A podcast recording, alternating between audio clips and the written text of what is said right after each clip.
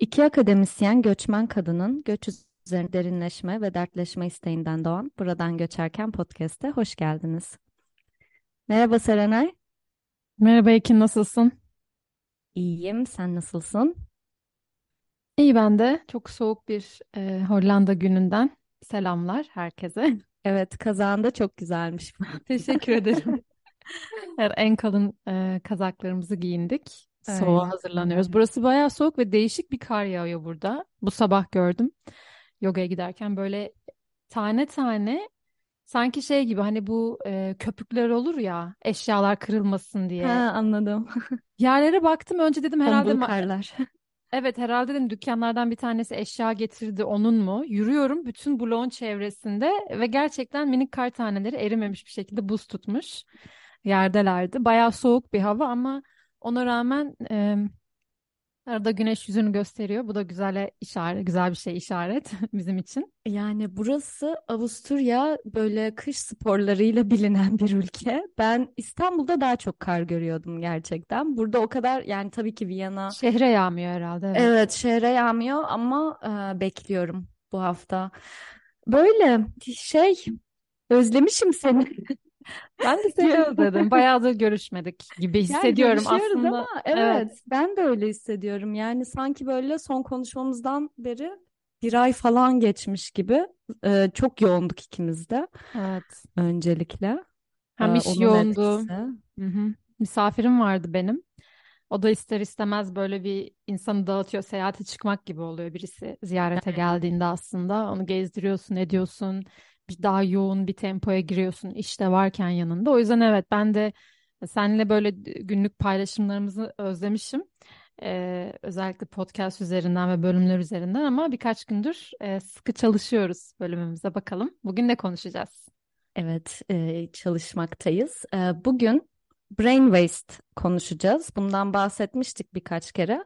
Biz bunu harcanan potansiyel olarak e, çevirdik. E, şimdi e, şöyle bir yapı düşündük. Birazcık bu konsept nedir? Buna biraz eğiliriz. E, bizim Serenay'la eleştirel baktığımız tarafları da var bu konsepti çünkü oluşturan temellerde e, bence biraz e, dışına çıkıp bakmamızın yararlı olacağı tarafları var. Böyle düşünüyoruz. Ama tabii ki bunu bir e, göç çerçevesine bağlayarak e, tartışmayı sürdüreceğiz ve kendi deneyimlerimizi de biraz irdeleyeceğiz. Açıkçası hani böyle çok brain waste'i rakamlara dökmekten ziyade hani göçmenler bunu nasıl deneyimliyor yo, tabii ki her zaman olduğu gibi o deneyimler e, üzerine de konuşmak istiyoruz. Böyle başlayalım mı? Tabii başlayalım. Ee, sen aslında güzel bir şey değindin. Hani rakamlara e, veya daha böyle istatistik bir analize çevirme gibi bir amacımız yok ki genelde bu konu ya bu kavram e, anladığım hı. kadarıyla ekonomistler bu şekilde çalışıyorlar. Hani Aynen. varış ülkesinde veya hani e, gidiş ülkesindeki yani sonuçları ne oluyor? E, özellikle iş çim e, labor migration hani iş gücü Emek göçü, iş emek göçü. göçüne bakıldığı zaman evet bu alan üzerinden çalışıyorlar. Aslında bize ilham olan ya da bizi bu konuyu konuşmaya birazcık daha içeriğini araştırmaya iten şey bizim kendi deneyimlerimiz de oldu ve çevremizde gördüğümüz e, deneyimler de aslında bizi etkiledi bu anlamda. E, bir giriş yapmak gerekirse neyden bahsediyoruz biz günlük anlamında brain waste veya e, potansiyelin harcanması durumunda? Göçmenlerin e, eğitimini aldığı veya kendini geliştirdiği alandaki işlerde çalışmaması hali gibi anlaşılabiliyor normalde. E, ya da öyle görünebiliyor. Ya okuduğu okul olabilir. e, sadece eğitimini aldığı iş değil, belki Türkiye'deyken veya kendi geliş ülkesindeyken e, ülkenin neresi olduğu önemli değil o anlamda. Bir eğitimini aldığı ve belki de o alanda çalıştığı yerde varış ülkesine gittiğinde aynı işi yapmaması ve literatüre göre de daha e, düşük e, nitelikli işler yapması. Biz birazcık şimdi literatür böyle alırken biz bunu birazcık daha eleştirel bakmak ve işin aslında niteliğinin düşük olması, yüksek olması, hani yüksek nitelikli göçmenler deniyor ya, en azından böyle statüler var ülkelerde legal anlamda. Biz birazcık bunu da araştırmak istedik. Hani birazcık daha o kavramların içine girmek ve e, kime göre neye göre yüksek nitelik? Bu nitelik neden nasıl değerlendiriliyor yüksek oluşu veya düşük oluşu? Biraz bunlara da bakmak istedik. Aynen. Ee, şeyi de ekleyebilirim ben.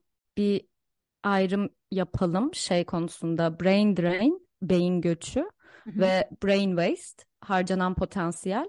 Ee, örtüştükleri epeyce yer olmakla birlikte e, brain waste aslında tamamen göçle ilgili bir şey değil.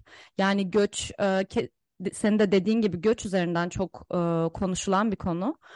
Ama sen hiç yer değiştirmeden de aslında harcanan evet. potansiyel sınıfına girebiliyorsun. Bu bir e, yer değiştirme olmasa bile brain waste'te bu harcanan potansiyelde daha e, zaten kırılgan olan grupların kırılganlığını daha çok arttıran ee, ve o kırılganlıkla böyle döngüsel bir ilişki içinde olan bir konsept olduğu için göçmen gruplarda da e, çokça rastlıyoruz. Tabii bunun hani cinsiyet, ırk tarafları da var. Çünkü emek e, piyasası gerçekten bu tarz e, çizgilerle, bu tarz ayrımcılıklarla çok e, şekillenen e, ne yazık ki bir piyasa olduğundan dolayı. Ama evet bunu belirtmek istedim. E, aslında e, brain drain'le arasında yani o beyin göçü arasında böyle de bir fark var. Harcanan Çok güzel ekledin. Evet, yani biz tabii ki de birazcık daha işin göçmenler kısmına yönlen e, odaklanacağız ama dediğin gibi e, insan kendi ülkesinde de e, brain waste ya da evet. o potansiyeli gerçekten harcanabiliyor. Ki bence zaten ekonomistler genelde buna da bakıyorlar. Hani bir ülkenin e, hani native tırnak içinde native dediğimiz yani oranın yerlisi olanlarının e, ne kadar yani yüzde kaçı aslında brain waste'e uğruyor ve hı hı. oranın göçmenleri ne kadar aslında e, potansiyeli harcanıyor. Onun karşılaştırmalarına bakan da var ama biz daha çok göçmenler üzerinden odaklanıyoruz evet. bugün. Evet, göçmenler üzerine olan kısmına daha iyi böyle sağlam bir başlangıç yapabilmek adına biraz bu şimdi biz niye buna harcanan şeyi tartıştık çünkü Serenay'la harcanan yet, yetenek, harcanan beceri mi demeliyiz ve sonra bunun çok da doğru olmadığına karar kıldık. Harcanan potansiyelde karar kıldık. Çünkü biz aslında biraz bu hani yetenek, o e, işte kalifiye çalışan olmak, nitelikli olmak e, e, kavramlarını da biraz sorgulamak istiyoruz bu konuya girmişken.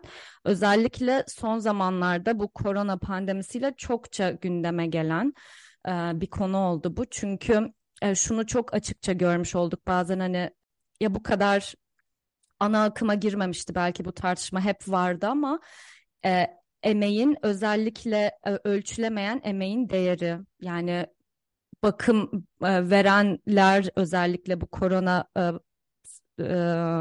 pandemisi sürecinde bakım ağırlıklı işlerde çalışan insanların yani temizlik olur, hastane işleri olur, her türlü sadece doktorlar, hemşireler değil ne kadar aslında büyük bir emek e, verdiği ve bu acaba verdikleri emek karşılığını alıyor mu üzerinden bu tartışmalar çokça aslında gündeme gelmeye başladı. Biz de onun için hani biraz şeyden de çıkartmak istiyoruz hani özellikle Türkiye bağlamında yeni nesil göçe bakarken evet eğitim durumu nispeten daha yüksek bir kitleden bahsediyor olabiliriz ama sadece bu da değil. Yani sadece eğitimlisin ve gidip başka bir işte çalışıyorsun dan ziyade Serenay bunu güzel söyledi. Yani o kendi alanında aldığın eğitimin dışına çıkma hali, o potansiyelin harcanması yani hem se- senin için öznel bir potansiyel olabilir hem de bulunduğun ülkende, memleketinde yapabileceğin o potansiyelin de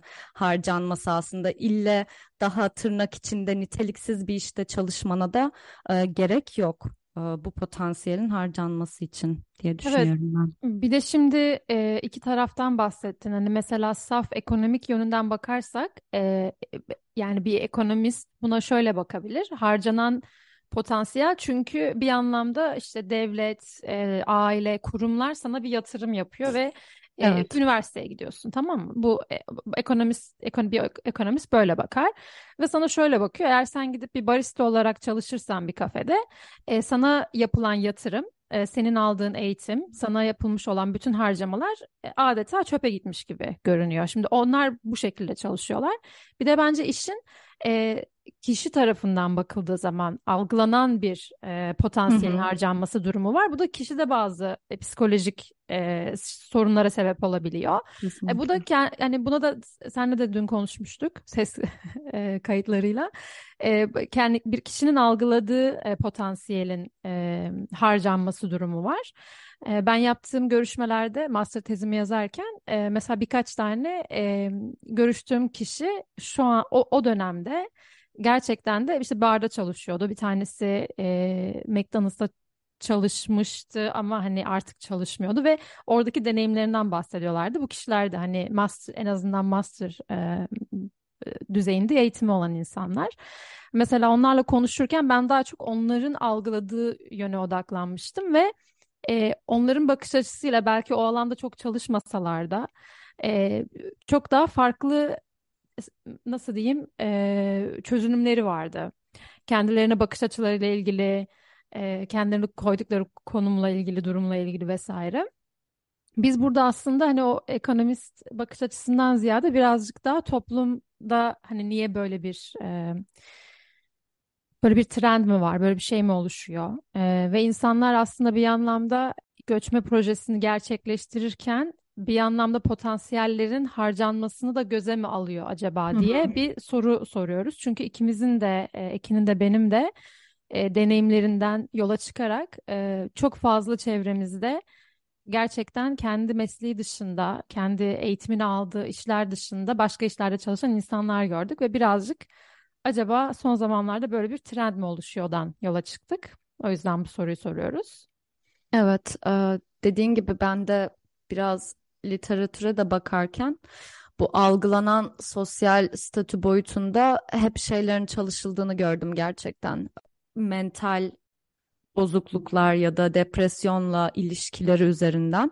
Çünkü hani bu e, şöyle evet algılanıyor. Sen e, göçüyorsun. Çünkü şöyle aslında göç narratifi de şey üzerine çok kurulu. Hani insan niye göçer? Daha iyi bir standart yakalamak için falan gibi böyle çok aslında e, kanıksanmış bir altyapısı var. E, bir şeylerin daha iyi olacağını yani sen kişiler bile ister istemez hani bu şeyle e, bu kanıksamayla hareket ediyor olabilir ve bunun ilk etapta hayatının gerçeklerine yansımaması hali tabii ki ister istemez hani bu araştırmalara da yansıdığı gibi böyle bir e, mental yükle beraber geliyor olabilir. Ancak tabii ki de hani ilk olarak zaten hayat statik bir şey değil. Hani e, tabii ki de ilk gittiğin anda e, beklediğin koşulları sağlayamaman zaten normal. E, bir de şöyle bir şeyle karşılaştık literatürde.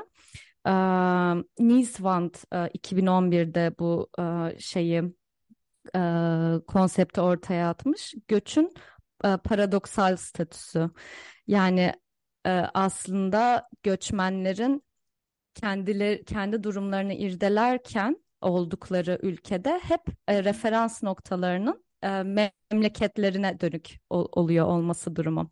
Şimdi bu neden önemli? E, bence şu açıdan önemli. E, Serenay'ın da dediği gibi şöyle bir soruyla yola çıktık. Acaba insanlar hani brain waste o potansiyellerinin harcanmasını göze mi alıyorlar? Ben kişisel deneyimden yola çıkarak evet ben bunu göze aldığım durumlar oldu. Hani bu e, sonra daha belki detaylı gireriz. Ama işte o göze alma da bence referans noktanın hala ülkendeki durumundan daha iyi olduğunu düşünme hali çok e, çok etkili oluyor. Sen kendini bulunduğun ülkenin senin standartların neyse atıyorum orta sınıf. Ben burada kendimi hani Avusturya'nın orta sınıfıyla karşılaştırmaktan ziyade belki onların orta sınıfına göre ben çok daha düşüğüm e, sosyoekonomik statü olarak. Ben kendim acaba Türkiye'de olsaydım e, nasıl olurdu üzerinden bakarsam aslında o e, şeyde o tartıda burayı daha iyi bir konuma e, yerleştirmiş oluyor gibi. Bilmem anlatabildim mi? Evet çok güzel ifade ettin. Ya ben literatürde böyle bir şeyin ol, olduğunu görünce birazcık heyecanlandım. Böyle şey gibi e, düşünüp durup buldum sandığım yüzyıllık gerçekler e, anı yaşadım Diyorsun adeta. değil mi? Onaylandım yani. Evet, evet, Çok kesinlikle. e, ilginç geldi çünkü e, çok doğru gerçekten. Ne olursa olsun bu arada hani isterseniz e, yaptığınız iş e, gerçekten eğitiminizi aldığın eğitimini aldığınız iş olsun. Biz hani akademide olan insanlar olarak e, birazcık nasıl diyeyim ya gelir düzeyi olarak e, çok iyi bir yerde olmasak bile hani bu işleri yaparken ister istemez bence bir karşılaştırma oluyor ve şöyle bir yerden oluyor ama ya ben kendi kişisel deneyimimden yola çıkarak düşünüyorum. E, Amsterdam'da hani güzel bir yerde Hı. yaşayabiliyorum. İşte evet e, bulaşık makinem yok ama televizyonum yok ama işte e, toplu taşımaya binmek zorunda değilim. Bisikletimle her yere gidebiliyorum. Toplu taşımaya hiç para vermiyorum. Hani benim için böyle küçük e, nasıl diyeyim? Küçük böyle bir artı eksi listem var ve orada nedense hep artılarla dolu. Ama bence bu biraz insanın hayattan ne beklediğiyle de alakalı. E, ve hani ne gibi bir dünyada yaşamak istediğiyle de alakalı bir şey olduğunu düşünüyorum. Çünkü herkesin çok e, bayılarak e, yaşadığı bir hayat olmayabilir. Kesinlikle zaten bu kararlar alınırken bir yerden gitmek, başka bir ülkeye yerleşmek katiyen sadece maaşla kazandığın parayla ilgili olduğunu ben de düşünmüyorum. Hani birazcık belki literatürün eksik kalabildiği noktalar özellikle daha geniş bir e, şeye bakıldığında, kitleye bakıldığında hani bu brain waste ne üzerinden ölçülüyor? İşte dediğin gibi aldığın eğitim, e, eğitiminin hangi noktasındasın, e, hangi seviyesindesin ve maaş e, aralığın. Yani ona göre biraz daha bakılıyor ister istemez. Ama elbette yani bunun o kadar çok farklı noktası var ki benim belki listemin çok daha sonlarındaydı kazandığım para. Ama işte bir hani daha sosyal etkinliklere ben daha büyük erişimim olduğunu düşünüyorum açıkçası. Hani İstanbul'da yaşarken belki Viyana'nın 50 katı fazla etkinlik oluyordu. Ama ben daha şu andan daha çok para kazanıyor olmama rağmen bunların acaba ne kadarına zaman ve para ayırabiliyordum bilmiyorum. Ya da hayat kalitenin daha yüksek olması. Seninle şey konuşmuştuk hatırlıyor musun? O geldi aklıma sen Amsterdam'da yaşadığından bahsederken. Son İstanbul'da buluştuğumuzda hani ikimiz de aslında akademideki bazı finansal maddi şeylerden muzdaribiz. Hani kolay değil gerçekten. Ama düşününce hani e, kendimize yetebildiğimiz, sevdiğimiz yerlerde yaşayabildiğimiz hayatlarımız var. Ama ikimiz işte Kadıköy'deydik o gün ve ikimiz de çok seviyoruz Kadıköy'ü. Bir düşündük şöyle biz e, yel değirmeninde yaşayabilir miydik mesela? Ev paylaşsam bile mümkün olmayacak bir şey. Yani o şu an yaşadığım hayat standardını aynı şeyde Türkiye'deki aynı şeye koyarsan bağlamına bu kazanç aralığında Türkiye'deki eşdeğeri neyse o aynı hayat kalitesini yine sağlayamıyorsun ve aslında biz de ister istemez bu statü paradoksuna düşmüşüz yani dönüp aslında Türkiye'ye bakmışız kendi durumumuzu değerlendirirken şimdi Aynen onu da öyle. görebiliyorum. Evet. Ama burada gene e, hani çok güzel bir şeyden bahsettin. Bence buna birazcık giriş yapabiliriz şimdi. Hani mesela ikimiz de ister istemez e, kazandığımız e, yani emeğin karşılığında aldığımız ücretten bahsettik. Şimdi bu Evet. sanki e, nitelikli göçmen olmakta veya nitelikli olan kişi olmakta bir kriter gibi. Değil mi? Evet. Aldığın maaş. E, bunun dışında e, aldığın eğitim, e, sosyal statün. Ee, başka ne var? Yani başka neyden bahsedebiliriz nitelikten bahsederken? Sonuçta nitelikli insanların harcanan potansiyelinden bahsediyoruz. Yani aslında burada biraz şeye de mi bakmalıyız diye düşündüm. Aslında nitelik olarak e, tam finansal karşılığını almayan ama aslında çok nitelik gerektiren yani şöyle de bir şey var. Nitelik dediğim skill çok e, teknik aslında tanımlana gelmiş bir şey. Tabii ölçülebilmesi adına bunun teknikleşmesini anlayabiliyorum. Lakin hani o kadar çok e, hasır altı ediyor ki bu. Örneğin e, emotional labor denen o duygusal e, emek olabilir ve bu emotional labor hani her işin içinde biraz olabilir. Bu sadece tek bir iş koluna yani sadece işte bakım hizmetleri veren e, kişilere o değil onlarınki daha yoğun ama mesela um, ben um, Öğretmenler. öğretmenler kesinlikle bu arada bak senin o geçen bana bahsettiğin şey örneği birinci sınıf öğrenciler derslerine bir bakmışsınız ki çokça kadın öğretmen alınmış belki bahsedersin. O örnek hani gerçekten duygusal emek. Çünkü çok kadınla evdeki kadının işte toplumsal cinsiyet rollerine o şey konumlandırılması ve aslında o duygusal emeği verenin kadın olması gerektiği üzerine kurgulanmış bir sistem olunca e, böyle bir şey olabilir. Akademide dediğin öğretmenlikte e, de çok yoğun bir e, duygusal emek olduğunu düşünüyorum e, farklı boyutlarda ama mesela bunun bir karşılığını e, nasıl alabiliriz işte bunun bir yerde karşılığı çünkü senin ya o işten aldığın e, tatmindir sen onunla bir şeyleri göz ardı edersin. Tamam az kazanıyorum şöyledir böyledir ama beni tatmin ediyor ama nasıl daha maddi boyuta dökülür açıkçası bu konuda ben de düşünüyorum diyeyim.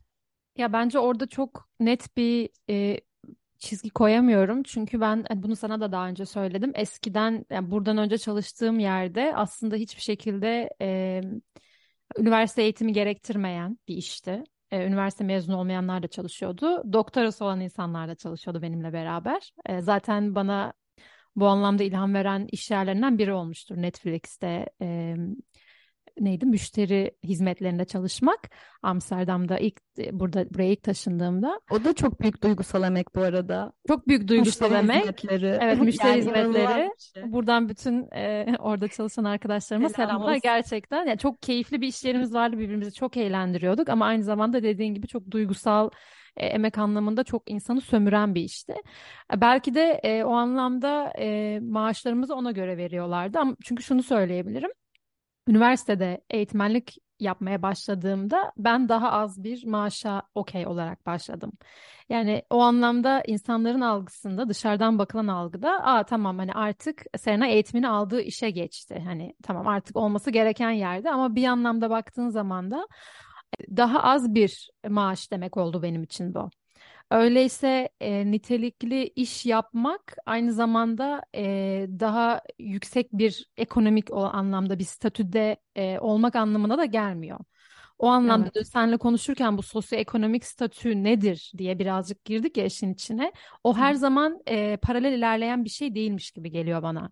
Tabii ki de sosyal anlamda bir anla, bir anda üniversite ortamında bulmak kendimi işte bütün iş arkadaşlarım benzer eğitimlerden geçen insanlar vesaire vesaire onu bir yana koyuyorum.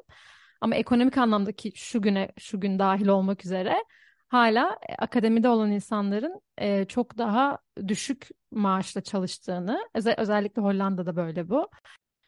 Ee, yani yani çok bireysel bir boyutu olan bir şey bu işte ekonomik indikatörlerin dışına çıktığında kişilerin yani mesela ben kendimden düşünüyorum ilk Budapeşte'deki çalışma deneyimim değil ama e, döndüm İstanbul'da çalışmaya başladım çok sevdiğim bir işte mesela sürdü, bir sürdürülebilirlik e, danışmanlığında çalışıyordum. Ve sonra doktora için göçmeye karar verdim yani doktoraya kabul olmakla beraber. Bu bile hani evet şu an karşılaştırdığım şey sanki e, çok kaba tabiriyle nitelikli işten nitelikli eğitime geçmek gibi olabilir ama hani ben aslında oradaki bir e, potansiyelimi de geride bırakmış oldum. Hani orada yapabileceğim işleri orada kullanacağım e, yetenek e, havuzunun dışına çıkmış oldum ki e, yani Sen bir şey demek istedin sanki burada. Devam et lütfen. Peki. Aklıma bir şey geldi ya. Bu şey söyleyeyim madem durdun. Ee, bu bir ara çok fazla tweet atıldı ya bundan. Ee, işte Türkiye bir e, senin anlamı senin e, özelinde Türkiye bir araştırmacısını kaybetti. Viyana bir öğrenci kazandı mı demeli yani. bir ara çok Viyana popülerdi çok ya bu. Şey kazandı mı Yani evet ama aynen. Evet o benim Türkiye'de yapabileceğim işlerin potansiyeli kaybolmuş oldu. Ee, evet yani ben ille mesela buraya gelirken so Türkiye tam anlamıyla bir beyin göçü yaşamış oldu Evet. senin gidişinle. Öyle diyebiliriz ama bir anlamda senin potansiyelin de tam olarak aslında harcanmadı. Yani far dönüştü. Evet, burada farklı bir potansiyele dönüşmüş oldu. Ama hani Türkiye açısından bakıldığında aslında e, o potansiyel bir şekilde harcanmış oldu. Ama yani şöyle şeyler de var ki ben e, Budapeşte'de kalırken böyle bir karar vermek durumunda kalmıştım. Hani çok daha bu benim mesela e, iki tercihte benim severek yapacağım şeylerdi. Hani maaşları, ekonomik şeylerini e, bir kenara bırakıyorum. Ama Budapeşte'de kalabilmek için yani tersine göç yapmamak için ki sen de öyle, senin hikayen de öyle. Tersine göç yapmamak için aslında yani severek de yapmayacağın, senin kazandığın becerilerin çok daha dışında olan ama sadece oradaki hayatını sürdürmek adına kabul ettiğin işler de oluyor. Yani bazı insanlar Türkiye'den göçerken de bu kararla göçmüş oluyor. Yani ben burada tabii ki şeyin ayrımını yine görüyoruz. Hani profesyonel finansal kazançlarla o sosyal değerler bence çok ön plana geliyor ve her zaman referans noktanın işte ülkende ne olacak ki? Yani ben ülkemde e, çok eğitimini çok iyi aldığım kendimi nitelikli gördüğüm bir işte nasıl bir değer katabileceğim bu ülkeye, bu ülke bana nasıl bir değer katabilecek? Hani bu o kadar bizim e, bence Türkiye bağlamında o kadar belirsiz ki, o kadar güvencesiz ki yani sen artık e, göçerken çok daha niteliklerinin dışına çıktığın bir işte, belki kendini çok tatmin etmeyecek bir işte olmayı tercih ederek gidebiliyorsun yani. Ya evet bu birazcık böyle gibi ama bence bu kadar da romantize de edilmemesi gereken bir şey olduğunu da düşünüyorum bazen. Yani şunu demeye çalışıyorum. eee, bir planın eee, olması gerekiyor. Yani bu bu kadar kolay da yapılabilen de bir şey değilmiş gibi geliyor bana. Ne olursa olsun eee, gitmek işe yaramıyor. Hani Ya herkesin e, yapabildiği bir şey değil yine de bunu demeye çalışıyorum. Yani herkes "Aa, ben nasıl olsa burada bir şey olamayacağım en iyisi gideyim orada bir kafede çalışayım gibi değil. Belli sosyal ağlar kuran, e, belki okul okuyan, belki bir şey yapan, belki bir tanıdığı olan, partneri olan, eşi, arkadaşı olan insanların yapabildiği bir şey. Ve bence genelde bunu literatürde de bir yerde bahsediyordu. Genelde bu biraz geçici de yapılan bir şeymiş gibi geliyor bana.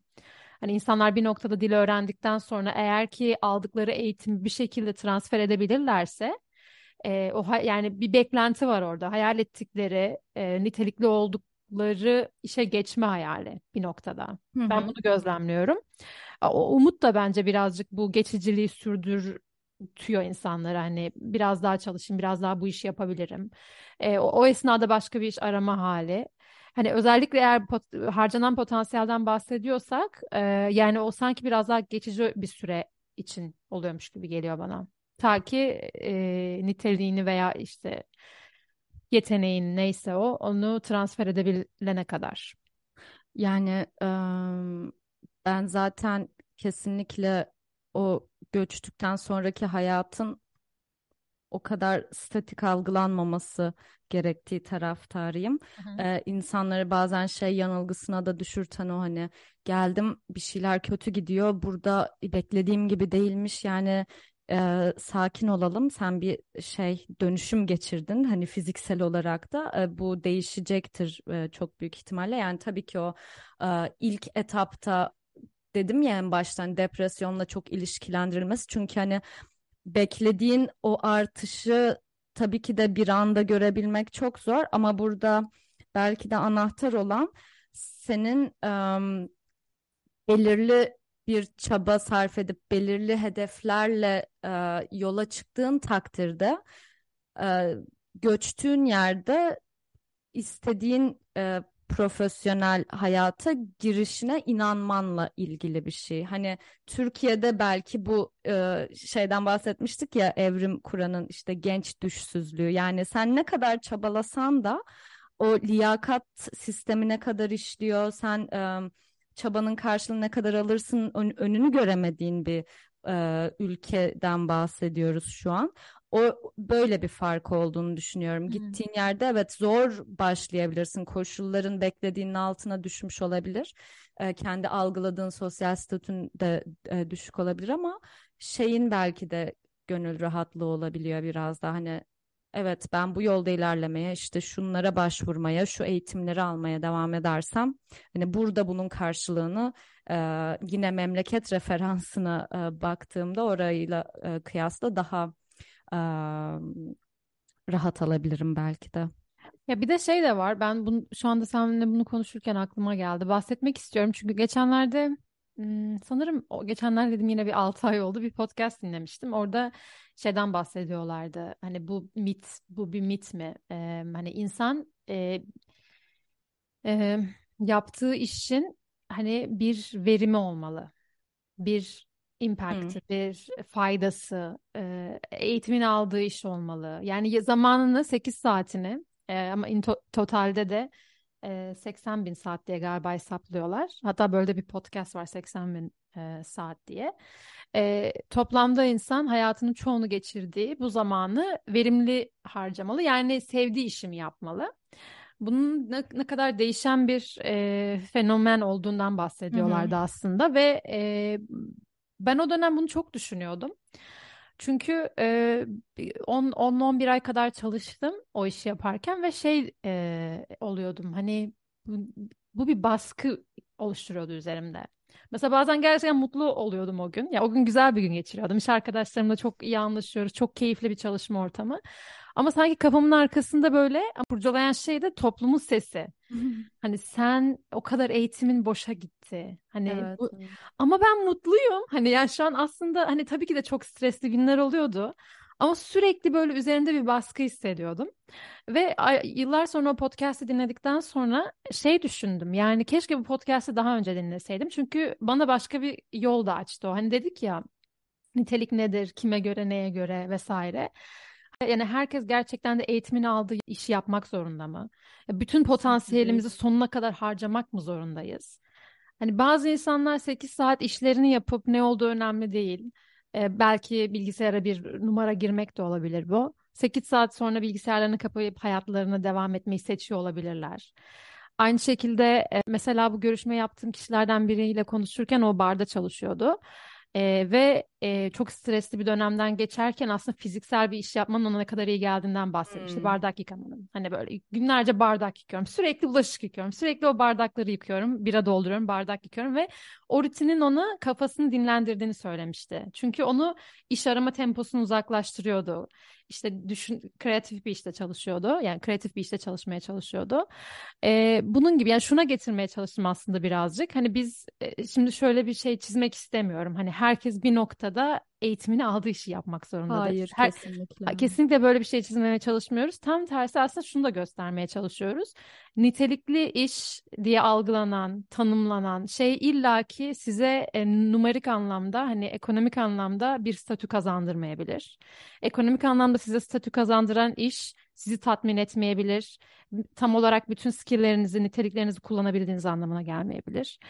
Aynı şekilde iş illaki yani işin kendisi anlamlı bir şey olmak zorunda değil. Kimisi bu anlamı arıyor olabilir ama kimisi için bu anlam çok önemli bir şey olmayabilir.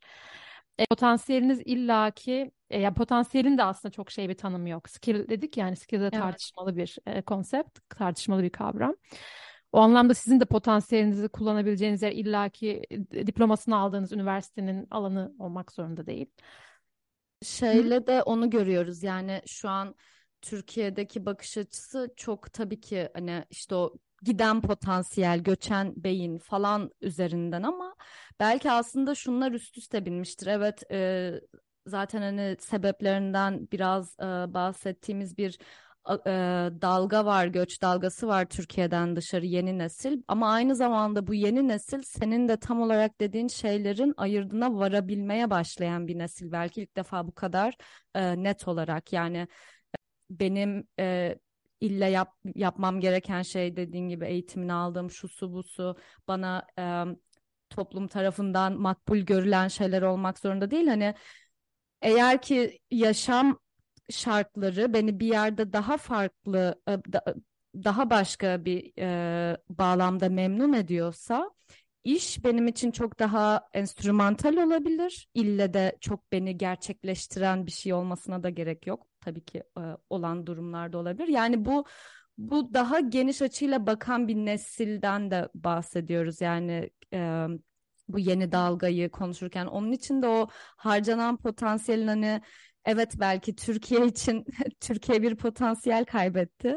Ama e, bu insanlar e, nasıl algılıyor? Tabii ki çok da yani istemediği kötü koşullarda çalışmak durumunda kalanlar da olabilir aralarında ama bence bu farkındalığın artık çok farklı e, işliyor olması bu nesilde önemli de bir şey o riski alabilmek. Çünkü hani nedir bu riski aldıran bu insanları hani ille daha mı iyi şartlar altında çalışacaklar e, bu hiç belli olmayan bir e, durumda göçüyor çoğu çok büyük e, görünen riskler alarak. Ama evet yani çok daha yani yaşamdan zevk almaya, daha yaşamını kendi e, şartları altında iyi yaşamaya çalışan insanların aldığı bir risk gibi geliyor bana. Eğer e, son bir şey söylemem gerekiyorsa böyle kapatmak isterim bu konuyu. Evet çok da güzel e, özetledin bence, ifade de ettin. E, peki başka değinmek istediğimiz bir şey var mı Ekin bugün bu konu özelinde? Benim aklımda şey kaldı ama onu başka bir bölümde daha etraflıca konuşabiliriz diye düşünüyorum. Ben bu brain waste üzerine konuşurken hani insanların o risk alması gitmesi aslında aklım hep şeye dönüp durdu. Zorunlu versus gönüllü göç ayrımı ve bu ayrımın aslında ne kadar gerçek dışı olduğuyla hani böyle bir siyah beyazlık olmamasıyla ilgili e, bir şeyler düşündürttü bana ki bunun üzerine bir süredir e, okumalar da yaptığım için belki de e, ama buna şu an girmeyeyim diyorum. Hani bu e, belki bu zorunluluk gönüllülük nedir? E, hangi göç ne kadar gönüllüdür ne kadar zorunludur onu başka bir bölümde konuşuruz diye düşünüyorum. Senin var mı eklemek istediğin bir şey? Ee, yani benim de yok şu noktada. Ya benim aslında belki sen hani bir bir ileride konuşabileceğimiz bununla bağla- bağlantılı olarak bundan bahsettin. Ben de bir bölüm yapmak isterim seninle akademiyi konuştuğumuz. Evet. Daha spesifik olarak sen hem Türkiye Akademisi'ni belki yine karşılaştırmalı olarak Akademinin ee, yaşadığı... çamaşırları dökülsün diyorsun. Evet, dökülsün artık. Ee, yani zaten malum buraya dertleşmeye geliyoruz. İkimizin de şu anda farklı şekillerde muzdarip olduğu, e, dışarıdan belki çok toz pembe görünen ama iç yüzü birazcık karanlık olan e, yurt dışındaki akademiyi belki konuşabiliriz biraz. Evet. Deneyim olarak hem hem de aynı zamanda bu bizi de çok yakından ilgilendiren hem bir göçmen olarak hem de e, göçmenliği çalışan akademisyenler olarak belki bunu yatırırız. Çünkü orayla alakalı ilgide konuşmak istediğim çok şey var. Özellikle harcanan potansiyelden bahsederken. Evet. Çünkü harcanan potansiyel bazen e, senin e, kendini harcaman değil de bazen de gerçekten çevrenin seni harcaması olabiliyor. Çok hiç gözün yaşına bakmadın. O yüzden ilginç olur o, e, o açıdan da incelemek diye düşündüm. E, benim için bu kadar şimdilik. Güzeldi yine seninle sohbet etmek. Ben de teşekkür ederim güzel bir geri dönüş oldu. Önümüzdeki bölümlerde görüşmek üzere dinleyen herkese de teşekkür ediyorum. Teşekkürler. Hoşçakalın. Bye bye.